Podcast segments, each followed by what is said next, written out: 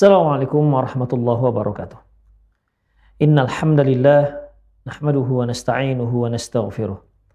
ونعوذ بالله من شرور أنفسنا وسيئات أعمالنا. من يهده الله فهو المهتد. ومن يطلل فلن تجد له وليا مرشدا. أشهد أن لا إله إلا الله وحده لا شريك له.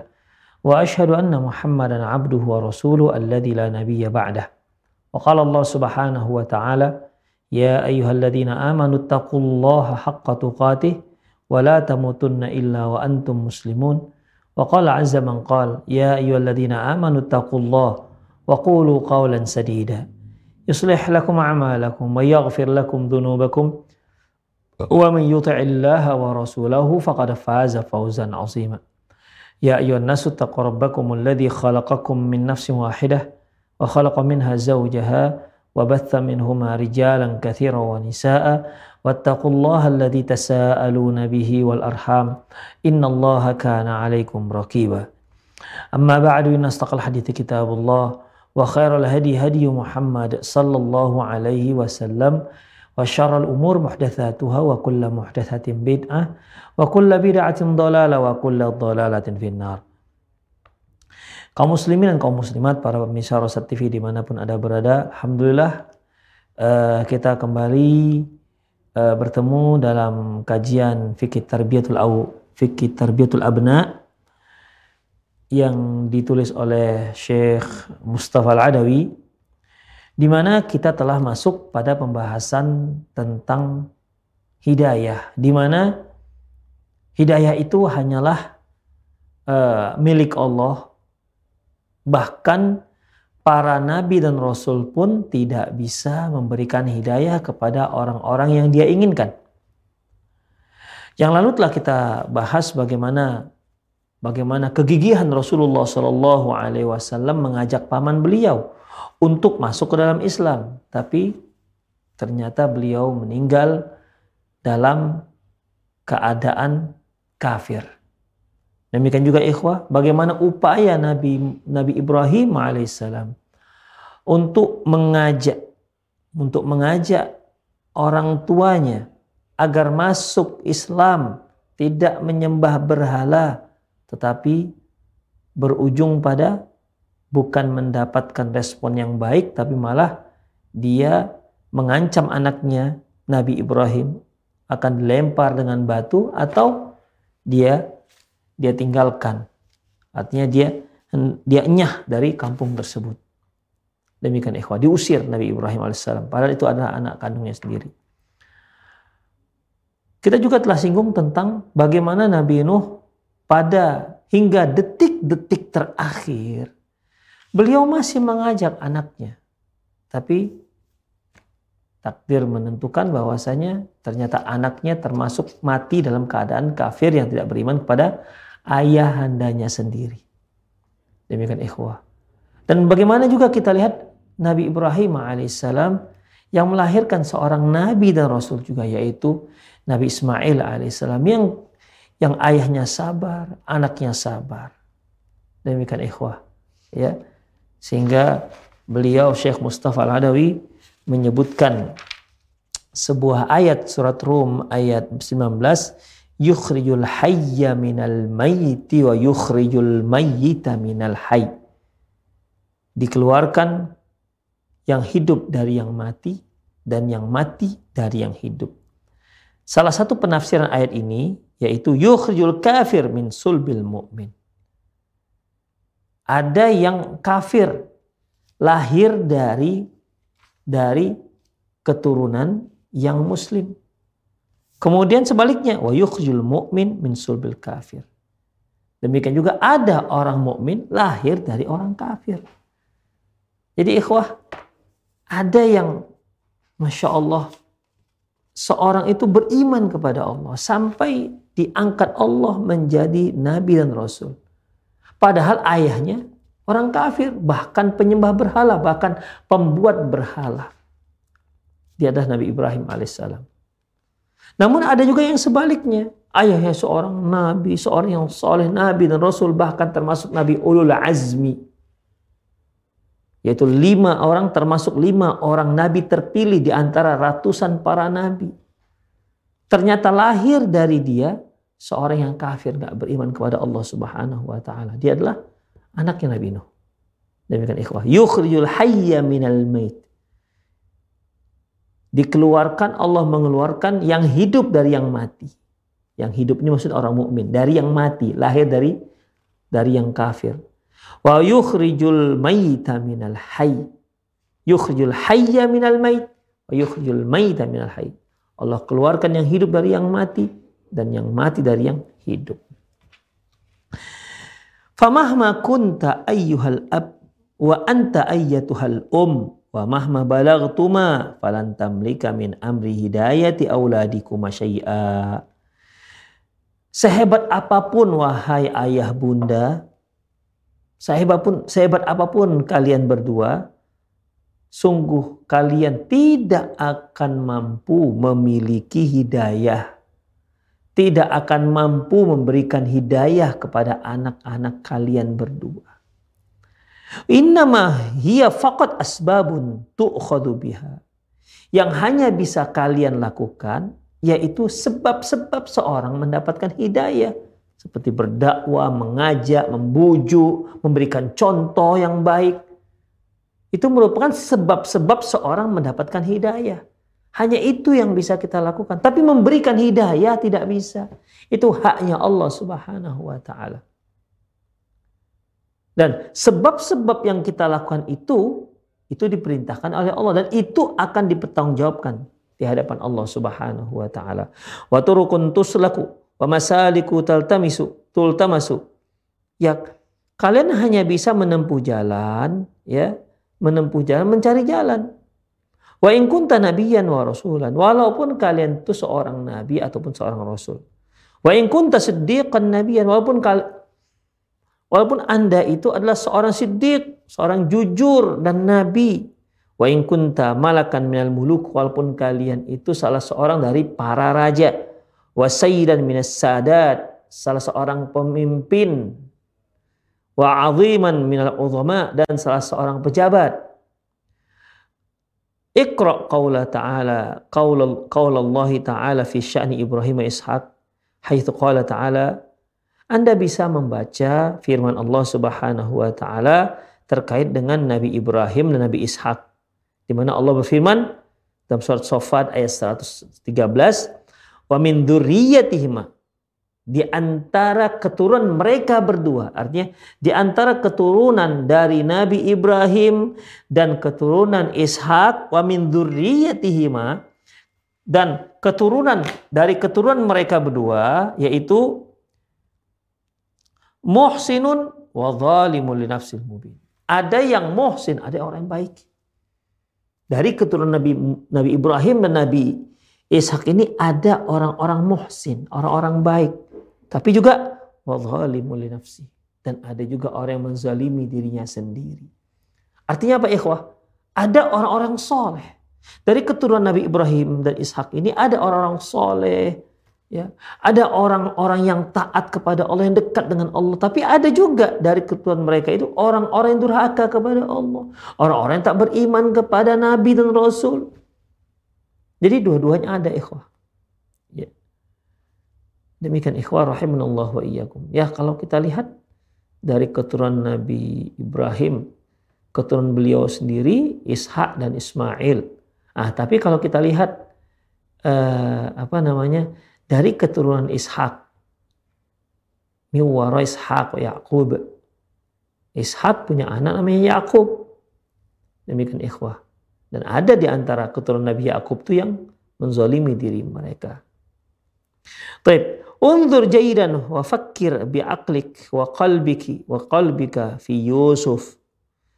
Coba perhatikan dengan baik-baik, kemudian fikirkan. Fikirkan dengan akalmu dan hatimu tentang Nabi Yusuf. Alaihissalam. Innahu wadhi'un wa sami'u wa wasimun wa jamilun. Dia seorang yang sangat apa namanya sangat sangat uh, tampan, sangat manis, sangat rupawan, fi ghayatil jamal. Orang memiliki ketampanan yang uh, tertampan, orang yang memiliki wajah yang paling tampan, bal ajmalu khalqillahi minal bashar. Bahkan dia orang yang paling tampan dari seluruh umat manusia. Utia syatrul hasan. Dia diberi setengah ketampanan. Kama qala Nabi sallallahu alaihi wasallam sebagaimana sabda Nabi sallallahu alaihi wasallam.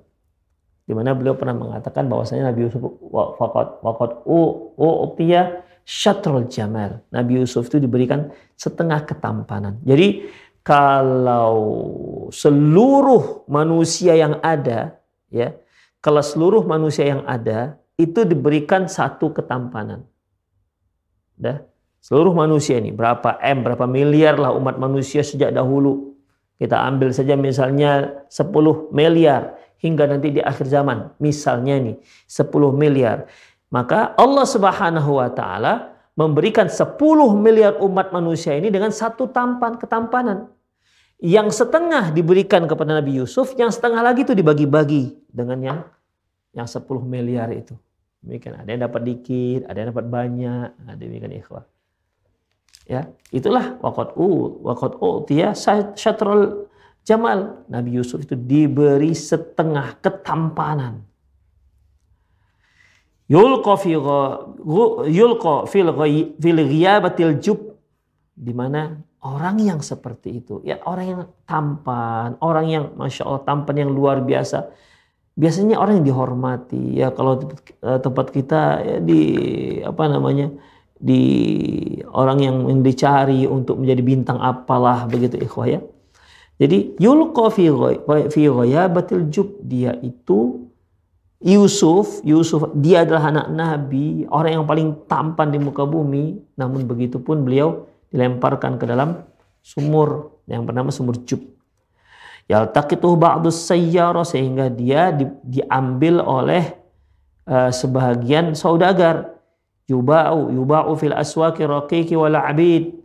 Kemudian setelah dia diambil oleh saudagar yang lewat di sana dan si saudagar ini pun menjualnya.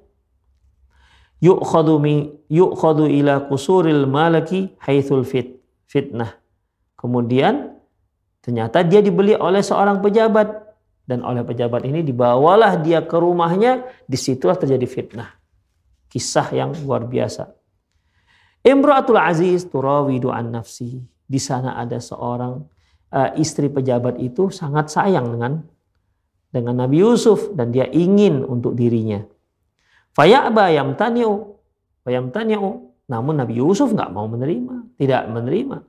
Ketika ketika istri pejabat ini, istri yang cantik jelita yang namanya masyur dengan Zulaikha, ya, Zulaikha ini merupakan wanita paling cantik semesir dan kecantikannya itu sudah sangat terkenal di Mesir. Zulaikha. Dia inilah menginginkan yang menginginkan Nabi Yusuf. Ya. Dia ini yang menginginkan Nabi Yusuf. Dia ingin mengajak Nabi Yusuf untuk berbuat musim tetapi Nabi Yusuf alaihissalam tidak mau menerima.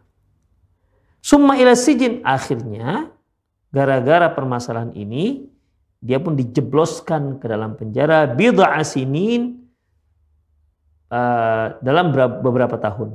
Fi awsatil khammarin wal lasus wa ahli al-ijram. Akhirnya dia dijebloskan di penjara selama beberapa tahun di tengah-tengah para peminum, para pemabuk, pencuri, dan orang pelaku-pelaku kejahatan. Dia seorang yang tampan, anak Nabi, kemudian difitnah, akhirnya dia dimasukkan ke penjara, seolah dia selevel dengan para pemabuk, para pencuri, para penjudi, para pelaku-pelaku kejahatan. Hakada takunu sujun fil ghalib. Karena biasanya ya yang namanya uh, apa penjara seperti ini sujun al-janaiin, al-janaiin yaitu yang memenjara para pelaku-pelaku kejahatan. Qudhifa Yusuf alaihi salatu wassalam fi hadil awsat dan dilemparlah Nabi Yusuf di tengah-tengah orang yang seperti ini, di tengah-tengah para pelaku kejahatan. Fatura man hafidhahu. Menurut kalian siapalah kira-kira yang menjaga beliau? Taro manil manil ladzi dafa anhu syar syarul ashral wa kaidul fujjar Coba kalian perhatikan siapa sebenarnya yang menjaga Nabi Yusuf dari dari kejahatan dan dari perbuatan dari rencana-rencana keji. Turo mangkasahu bila ilmi wal hilm amal jamal wal baha. Menurut kalian bagaimana? Menurut kalian siapa yang memberi dia pakaian ilmu, yang memberi dia, yang menganugerahkan dia ilmu, kemudian kebijaksanaan, kemudian ketampanan ditambah lagi dengan kewibawaan. Menurut kalian siapa yang memberikan? Wahwa wahidun gharibun taridun la abba la abba ma'ahu wa la umma wa la akhu ma'ahu wa la ukht la amma ma'ahu wa la khal wa la aqaribu lahu wa la ajdad Sementara dia adalah seorang sebatang kara Sebatang kara, tak punya siapa-siapa. Torid, terusir. Tak punya ayah, tak punya ibu, tak punya sanak saudara, tak punya paman, tak punya bibi, tak punya kerabat, dan tak punya kakek. Manillah di'allamahu. Kalau kalian pikir siapa sebenarnya yang mengajarkan dia ilmu tersebut? Manillah zakah dan siapa yang mensucikan dirinya? Manillah rabbah dan siapa yang melihara dia? Waman ra'a dan siapa yang me, yang siapa yang mem, mem, mem, menjaganya? Innahullah subhanah khairun hafidha wa warhamur rahimin. Dia adalah Allah subhanahu wa ta'ala sebaik-baik penjaga dan dia zat yang maha penyayang. Yusuf ayat 64. Wahahuwa Musa alaihissalam tiflun rodi' Ini juga Musa alaihissalam. Waktu itu dia masih seorang bayi. Ya, seorang bayi. Kemudian tufarikuhu ummuh tilkal um tilkal ummil haniyati mushfiqati. Di mana si Musa kecil yang masih bayi, orok lah kita katakan. Musa yang masih orok, bayi masih merah, Mau tidak mau, dia harus berpisah dengan ibunya yang sangat menyayangi dia. Tilkal umur rahimah karimah. Dia ada ibu yang sangat penyayang. Yang mulia. Tufariquhu. Mau tidak mau harus berpisah dengan si Musa yang masih bayi, yang masih yang masih merah. Watakdifu fit. Dan mau tidak mau dia harus letakkan di dalam sebuah peti Summa yuqdafu fil yammi ma'at tabut. Kemudian peti itu dihanyutkan ke sungai. Kalau kita pikir-pikir ibu mana yang tega menghanyutkan anaknya seperti ini. Tapi mau tidak mau si ibu harus melakukannya. Dia harus tega untuk melakukannya. Ya. Sebagaimana Allah Subhanahu wa taala firman, "Wa auhayna ila ummi Musa aniqti fihi fit tabut faqdi fihi fil yammi falyulqil yamu bisahil. Ketika kami wahyukan kepada ibunya Musa, kami ilhamkan pada ibunya Musa supaya dia diletakkan dalam sebuah peti, kemudian petinya dihanyutkan ke sungai. Demikian ikhwah. Sudah summa yuqdhafu fil yami fil yami ma'at tabut. Kemudian Si ibu pun dengan berat hati meletakkan Musa yang masih baru baru lahir, masih memerah, mau tidak mau harus dia letakkan di dalam peti dan peti tersebut dihanyutkan di sungai. Summa yaltaqituhu ahlu dhulmi wal baghi wal qatli wal udwan. Ternyata dia itu diambil ya jadi tabut tadi peti tadi itu hanyut dan hanyutnya ke tempat istana Fir'aun. Waktu itu eh, istri Fir'aun sedang berada di di sungai tersebut. Akhirnya dia melihat melihat Nabi Musa melihat peti disuruhnya lah dayangnya untuk mengambil peti tersebut dan dibawalah petinya dan dibuka. Ternyata setelah dibuka isinya seorang bayi yang sangat sangat tampan, seorang bayi yang sangat sehat. Ya. Sehingga saat itu muncul rasa cinta istri Fir'aun tersebut kepada Nabi Musa. Demikian ikhwah. Faltaqatahu alu Fir'aun liyakun lawa hazana. Kemudian Nabi Musa pun dipungut oleh keluarganya Fir'aun. Kemudian Allah mengatakan wa alqaitu alaika mahabbatan minni. Dan kami kami kami kami kami ciptakan di hati mereka itu kecintaan kepadamu. Itu kami yang buat mereka. Begitu melihat Nabi Musa, langsunglah istri Firaun dan Firaunnya langsung sayang dengan Nabi Musa tersebut. Padahal waktu itu jadwal pembunuhan seluruh anak Bani Israel yang lahir.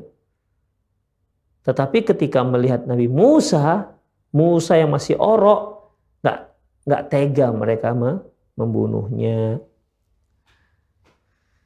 Kemudian ikhwah, dan akhirnya Nabi Musa hidup bersama siapa? Bersama keluarga yang zalim, yang pembunuh, ya, kemudian yang eh, apa namanya, yang senantiasa memusuhi Bani Israel. Yaltaqitu alu Fir'aun. Dia adalah keluarga Fir'aun. Fayalaha min fayalaha min faji'atin wa min musibatin. Sungguh ini sebuah musibah. Ya. Apabila seorang anak bayi ternyata hidup di tengah-tengah pembunuh, perampok, pembunuh berada dingin, ya saya eh, apa namanya kemungkinan besar tuh anak mirip sama karakternya seperti keluarga tersebut. Kalau seorang anak besar di sebuah keluarga, keluarga maling, ayahnya maling, emaknya maling, anak-anaknya maling, kemudian mereka memungut seorang bayi untuk jadi anak. Kemungkinan tuh anak juga jadi maling. Demikian ikhwah. Ya. Jadi Nabi Musa alaihissalam itu ternyata dipungut oleh keluarga yang zolim. Suka menzolimi orang lain. Demikian ikhwah kemudian suka membunuh.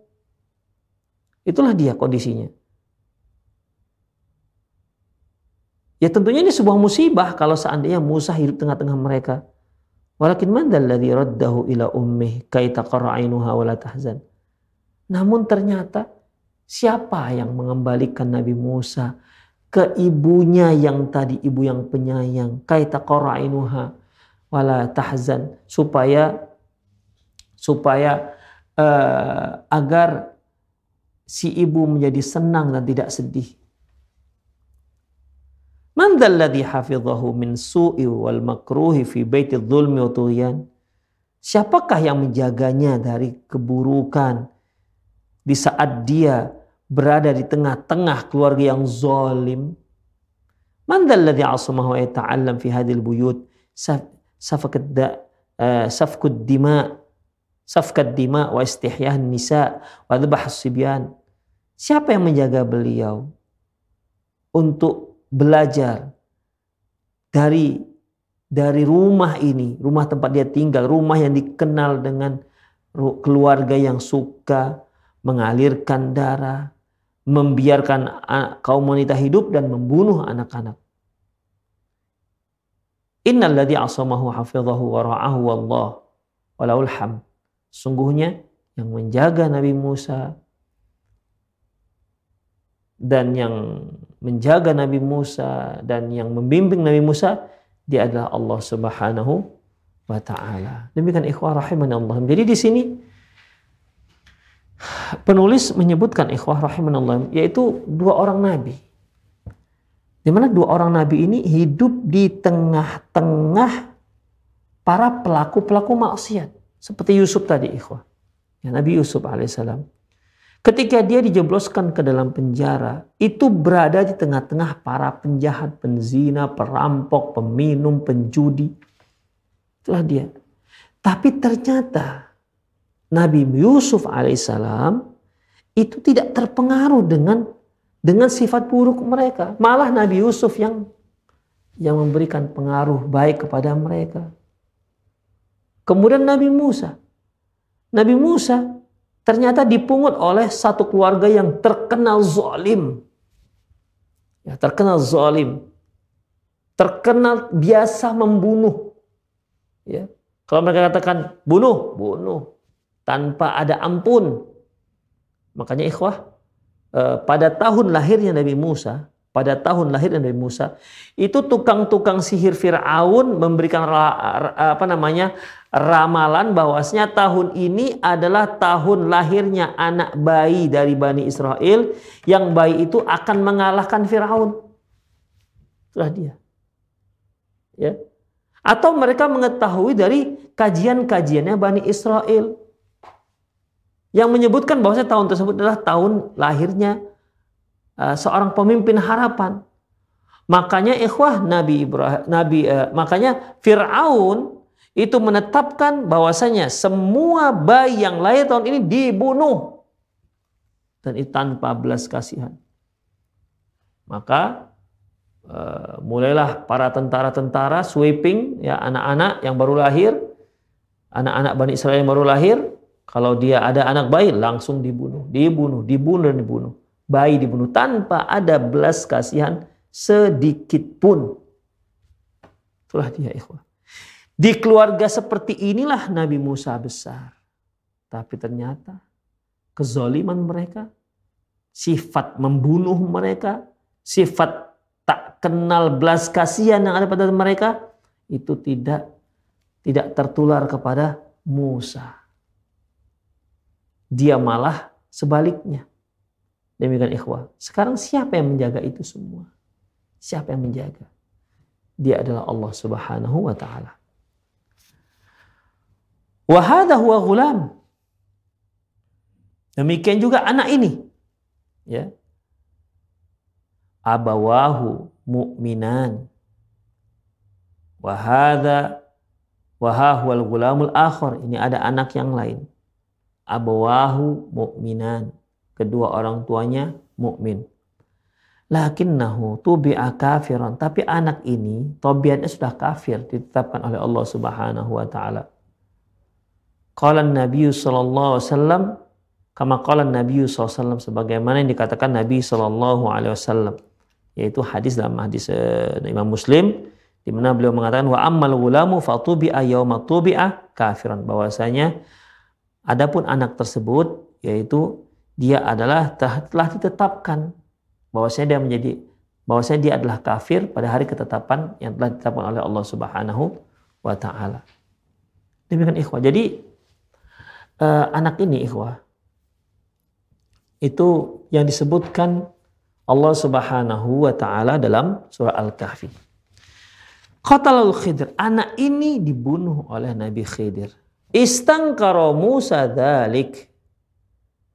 Dan melihat Nabi Khidir bertemu dengan seorang anak kecil. Tiba-tiba beliau bunuh. Orang yang seperti Nabi Musa pastilah akan mengingkari ini. Kenapa dia bunuh? Ini anak kecil. Ya. Ini anak kecil. Sebagaimana ya. Eh, kemudian fa'atabahul khidr filladhi wa bayyana lahu hikmatullah fi dhalik. Namun Nabi Khidir itu mengkritiknya karena ikhwah uh, ketika Allah subah ketika Bani Israel bertanya kepada Nabi Musa, "Ya Musa, apakah ada orang yang lebih lebih alim dibandingkan Anda?" Kata Nabi Musa, "Enggak ada." Lantas turunlah wahyu bahwasanya ada. Ada.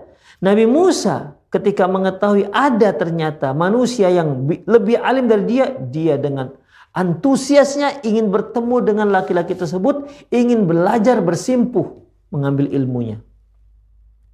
Demikian ikhwah. Akhirnya Allah tunjukkan caranya dan bertemulah ya. Bertemulah dengan Nabi Khidir. Tapi Nabi Khidir memberikan syarat ya Qala fa in ittaba'tani fala tas'alni an syai'in hatta uhdatsa laka minhu dzikra. Kata Nabi Khidir, boleh kamu belajar, tapi syaratnya ya, apabila kamu mau mengikuti aku tidak boleh kamu bertanya. Itu dia. Tidak boleh kamu bertanya sampai aku yang menceritakan apa hikmah di balik itu.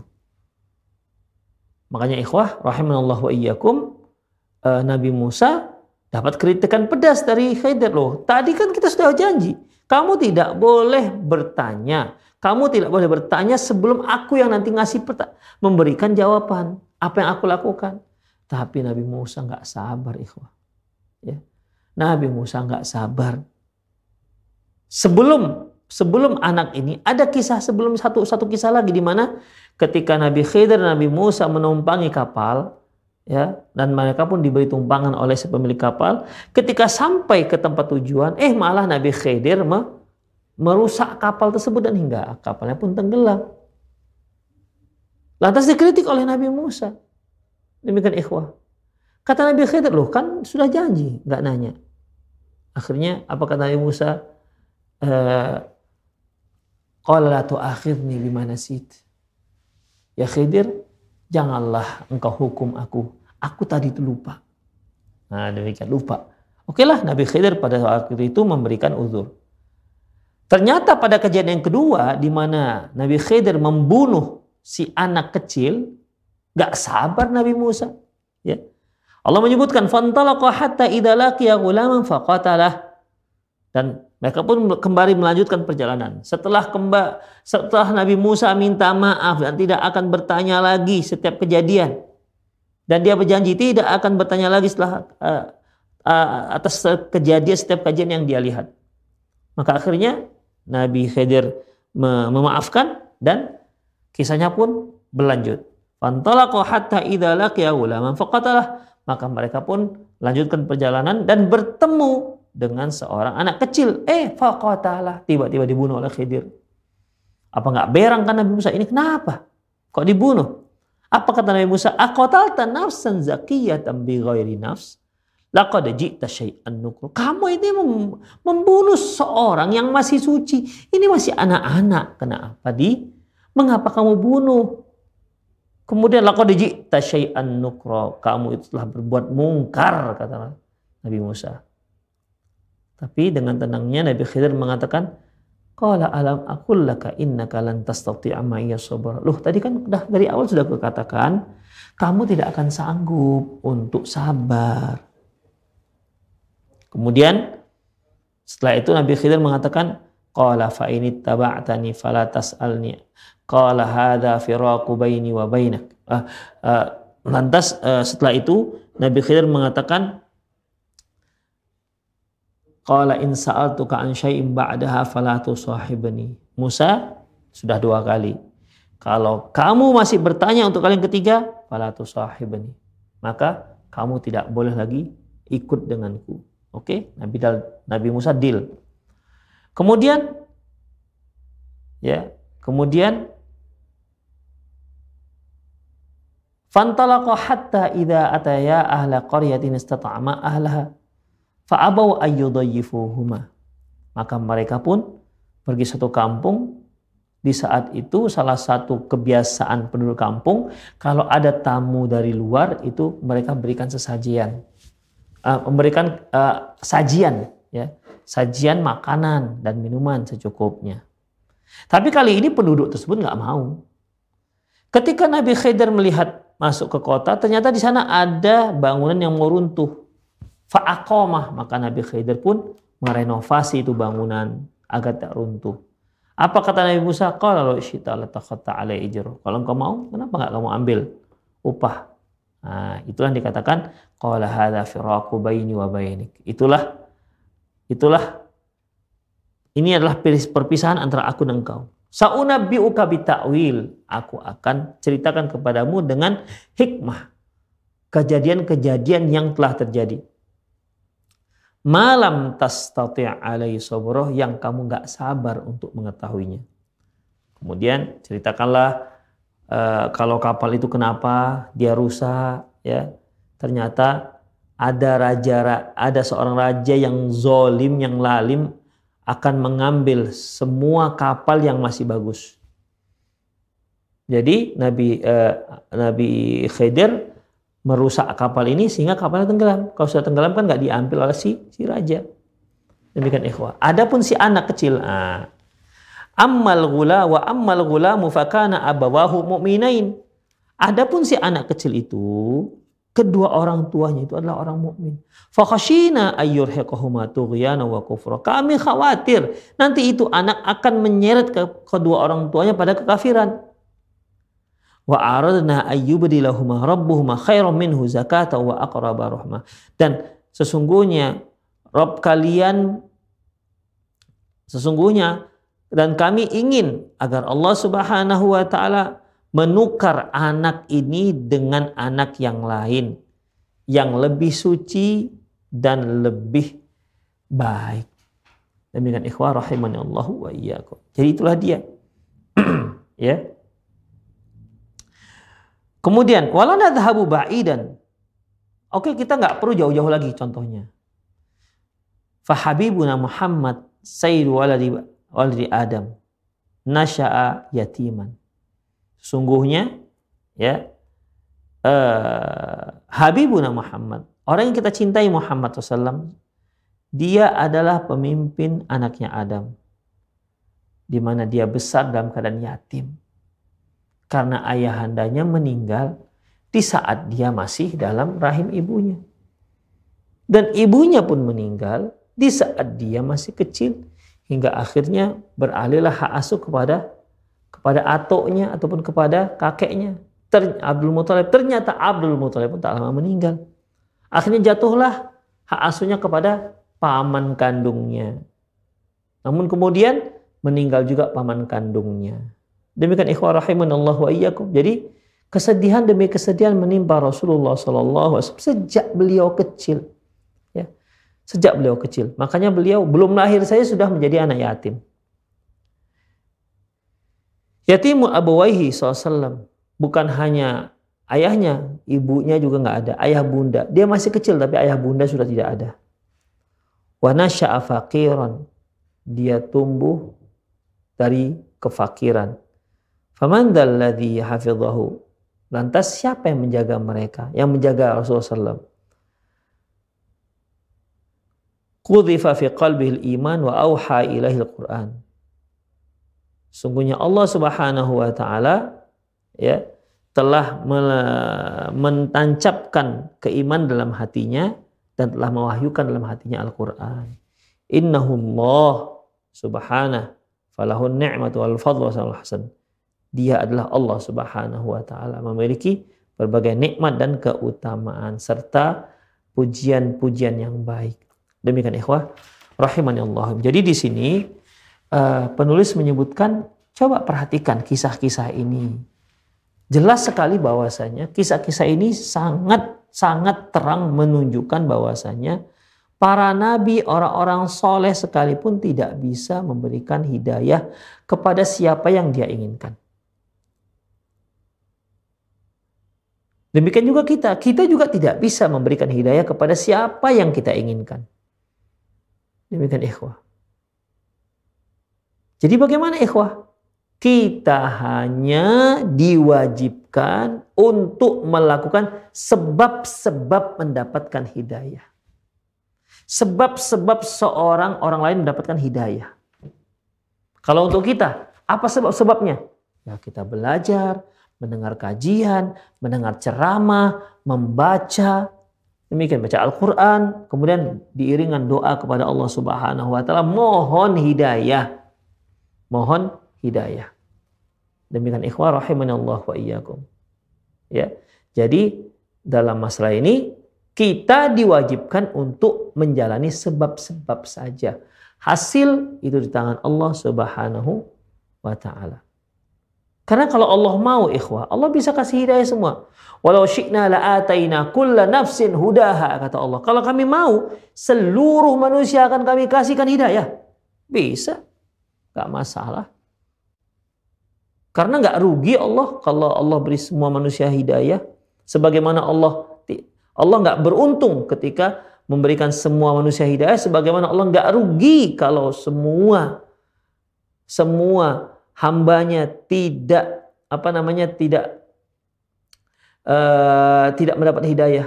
Baik mereka dapat hidayah maupun tak dapat hidayah, itu tidak ada untung dan ruginya bagi Allah Subhanahu wa taala. Demikian ikhwah. Makanya Rasulullah pernah mengatakan uh,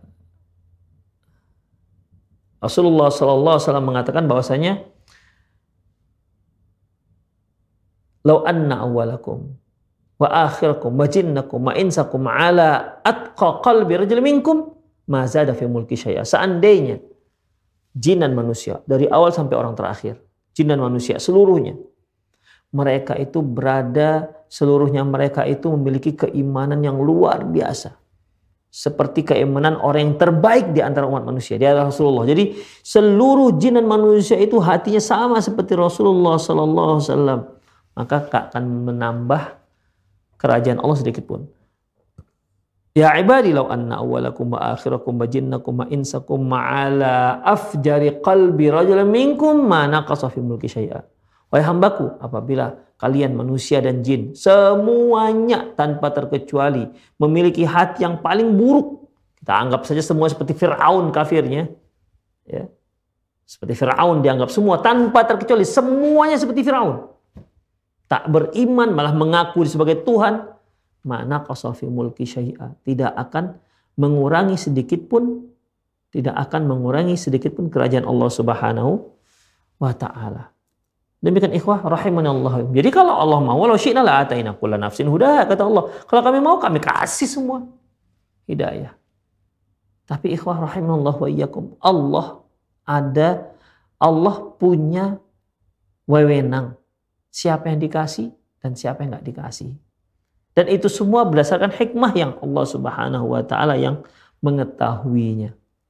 Kita saja ikhwah terkadang kita lihat orang ini baik. Tutur katanya sopan, ibadahnya rajin, ternyata di balik itu kita tidak tahu. Rupanya agen narkoba dia. Demikian. Ternyata hanya kamuflase. Bisa itu terjadi ikhwah. Darah jenggot pula dia kan. Demikian pakai lobe, bisa seperti itu ikhwah. Kenapa nggak bisa? Tapi kan Allah Subhanahu wa taala tidak bisa di di di kamuflase seperti itu.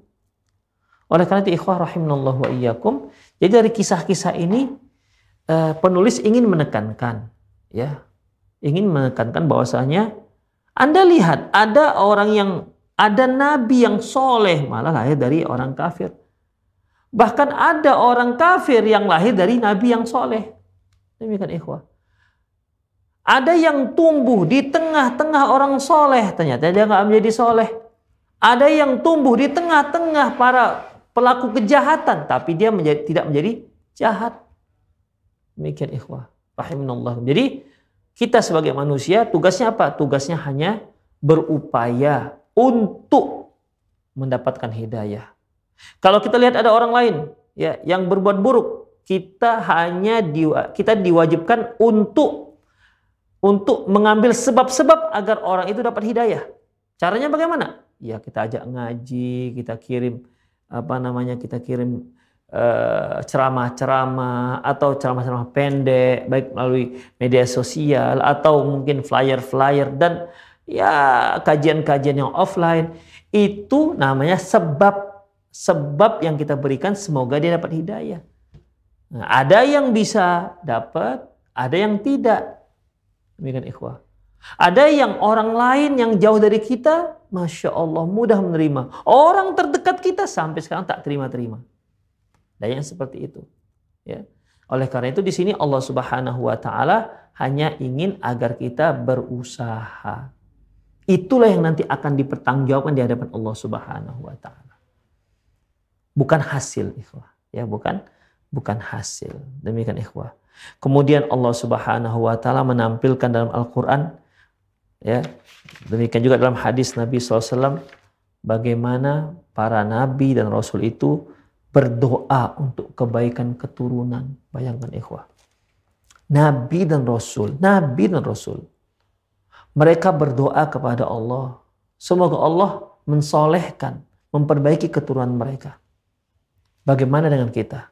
Ada nggak kita berdoa untuk anak-anak kita? agar mereka menjadi orang yang soleh atau doanya sekedar sambil jalan aja. Ada nggak kita sungguh-sungguh berdoa untuk anak kita? Benar-benar kita sebut nama ya Allah jadikanlah anak saya fulan jadi anak yang soleh atau yang soleha. Jadikanlah dia seorang yang alim yang berguna untuk agamanya, untuk masyarakat muslim. Berikanlah dia akhlak yang mulia. Masya Allah. Demikian Ada nggak kita sungguh-sungguh mendoakan anak kita? Atau yang kita doakan hanya untuk perut kita aja. Demikian. Rahimanallah wa iyyakum. Oleh karena itu, ya, Nabi SAW, uh, Allah Subhanahu wa taala menyebutkan dalam banyak ayat bahwasanya para nabi berdoa mendoakan anak-anak keturunannya. Apa saja ayat-ayatnya dan hadisnya? Insya Allah akan kita baca di kajian kita besok insya Allah. Doanya para nabi untuk anak-anak mereka. Demikian aku lu qouli hadza wa astaghfirullah li wa muslimin innahu wal ghafur rahim bagi para pemirsa yang ingin bertanya Anda boleh langsung bertanya melalui via telepon dengan klik uh, menekan nomor yang sudah ada di layar televisi Anda atau boleh juga Anda kirim dengan nomor yang sama dengan melalui via chat WhatsApp. Demikian. Nah,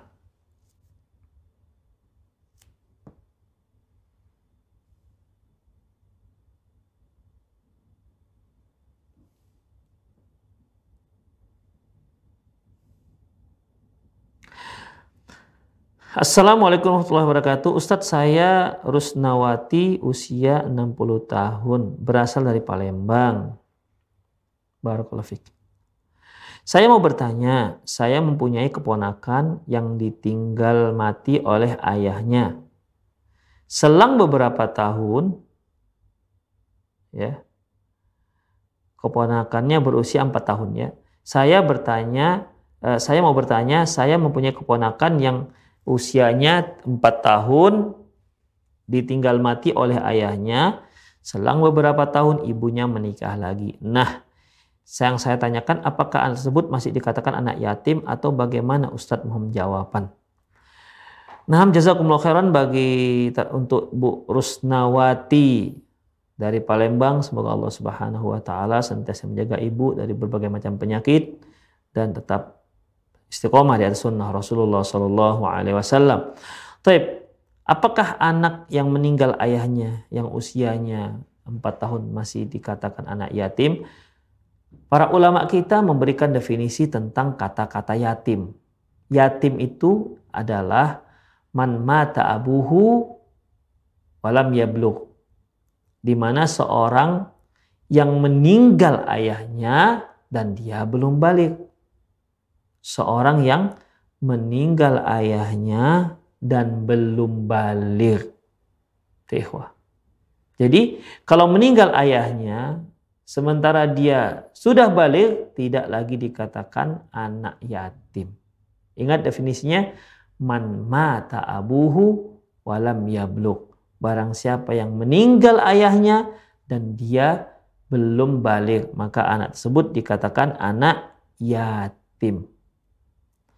Kemudian kalau kita bincangkan lebih jauh, terus ini tanggung jawab siapa? Tanggung jawab siapa? Apakah tanggung jawab ibunya ataukah tanggung jawab siapa? Ikhwah rahimanallah wa iyyakum. Anak ini adalah tanggung jawab keluarga ayahnya. Ya, keluarga walinya. Siapa walinya? Dia adalah saudara ayah. Ya, saudara ayah. Paman lah kita katakan. Dialah yang menanggung e, nafkah si anak yatim ini. Jika memang dia tidak punya harta, tidak punya harta. Karena yang namanya anak yatim ini tidak harus dia orang miskin. Ya, karena bisa saja anak yatim itu dia orang kaya raya. Demikian ikhwah. Karena definisi yatim itu tidak ada kaitan dengan miskin. Pokoknya meninggal ayahnya, dia belum balik.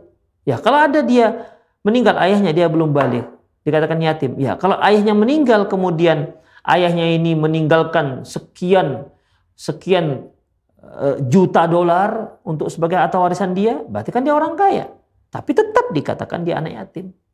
Ya, tetap dikatakan anak anak yatim. Jadi kalau anak yatim ini tidak punya tidak punya harta untuk kehidupan dia, maka keluarga ayahnya lah yang bertanggung jawab untuk itu. Ya, keluarga keluarga ayahnya. Allahu alam bisawab.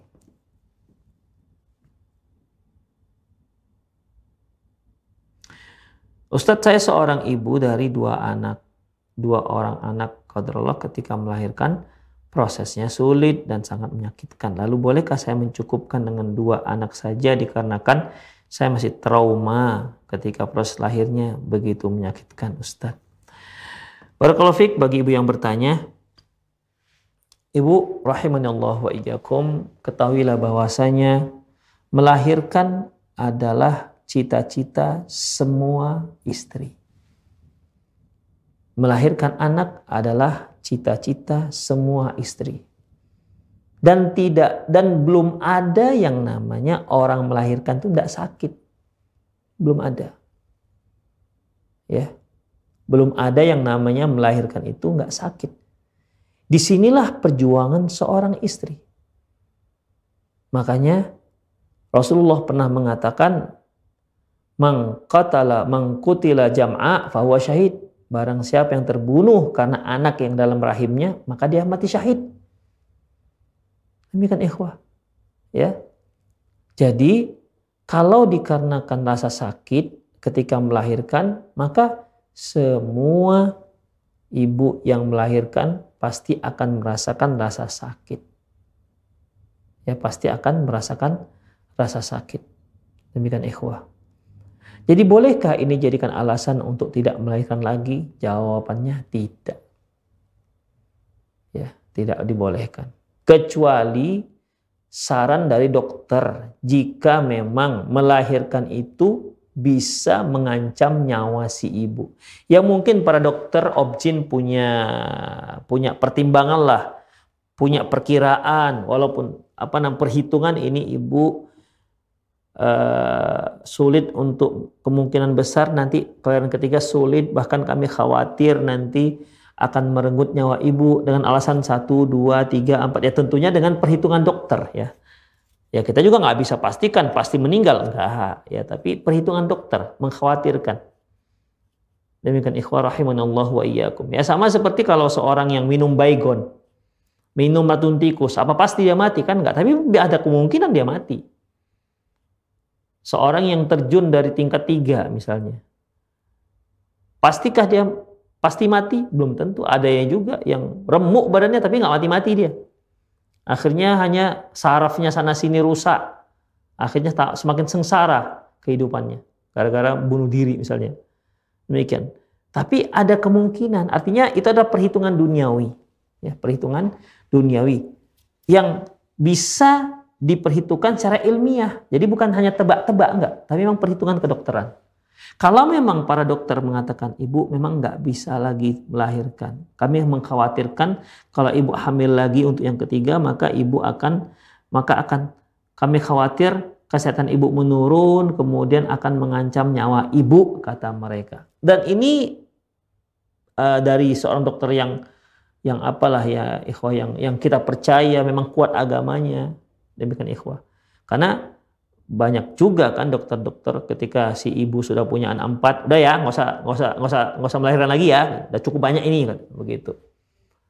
Ya ada yang seperti itu kan ikhwah. Ya tentunya bukan dokter yang seperti ini, karena ini kan berarti nggak mengerti hukum Islam. Ada demikian ikhwah. Jadi kalau memang itu dari rekomendasi dokter, memang bahaya, membahayakan keselamatan si ibunda, maka ya Bismillah, ya tawakal Allah. Tapi kalau hanya dikarenakan sakit, maka itu tidak bisa dijadikan sebagai alasan untuk tidak melahirkan lagi. Ya kalau Allah Subhanahu wa taala masih memberikan terimalah ikhwah. Dan itulah pahalanya besar bagi seorang ibu melahirkan seorang anak. Demikian ikhwah rahimanallah wa iyyakum.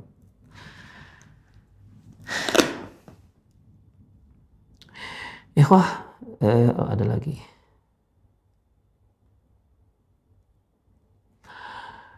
Assalamualaikum warahmatullahi wabarakatuh. Izin Ustaz bertanya, apakah perbuatan kita di masa lalu akan menurun kepada anak kita? Dulu semasa remaja saya suka main-main dan sering nginep di rumah teman-teman. Sekarang anak saya juga begitu senang keluar rumah dan tidak pulang-pulang karena dia merasa bebas kalau di, rum di luar rumah. Sementara di rumah dia bilang kayak neraka ke teman-temannya karena banyak aturan bagaimana mensikapi anak ini. Anak saya akhwat usia 16 tahun sekarang pun belum pulang hampir tiga pekan. Saya blok nomor HP-nya tetap dipantau sama adik saya. dan tetap sekolah karena masih online. Bagaimana solusinya Ustadz dari seorang ibu single parent? Ikhwah, qadarullah masyafa'alah ya, anak seperti itu. Mengapa anak seperti ini? Kita dalam menganalisa anak kita seperti ini, ya, jangan uh, kita uh, apa namanya target kita untuk mengobati penyakit yang sudah ada. Ini kan penyakit ini di mana dia suka di luar rumah ketimbang di rumah sendiri. Rumahnya neraka katanya. Udah. Ini kan penyakit.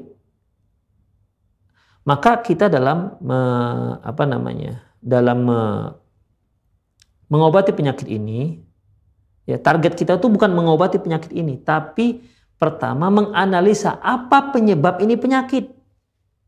Itu ikhwah. Apa penyebab penyakit? Apakah memang anak itu begitu lahir suka melalak ataupun suka suka pergi ke rumah oh, temannya? Lebih suka dia nginap di rumah temannya daripada rumah sendiri. Apakah itu memang muncul sejak dia lahir? Kan tidak. Ya. Coba ada analisa sejak kapan dia suka seperti itu. Jadi penyakit-penyakit ini ikhwah, itu penyakit-penyakit nular. Ya penyakit-penyakit yang menular. Kalau enggak dari keluarga, maka dari dari tetangga atau dari teman-temannya. Itulah penyakit itu, ikhwah. Ini kan salah satu akhlak yang buruk, kebiasaan yang buruk.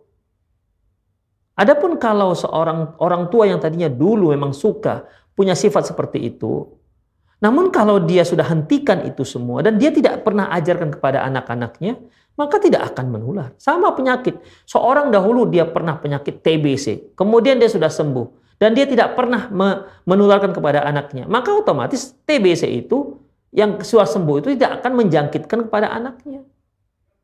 Demikian ikhwah rahimanallahu ikum. Jadi coba analisa dahulu ini kenapa ini anak seperti ini? Gak akan mungkin dia tiba-tiba tiba-tiba semerta-merta dia jadi lebih suka di luar rumah ketimbang dalam rumah.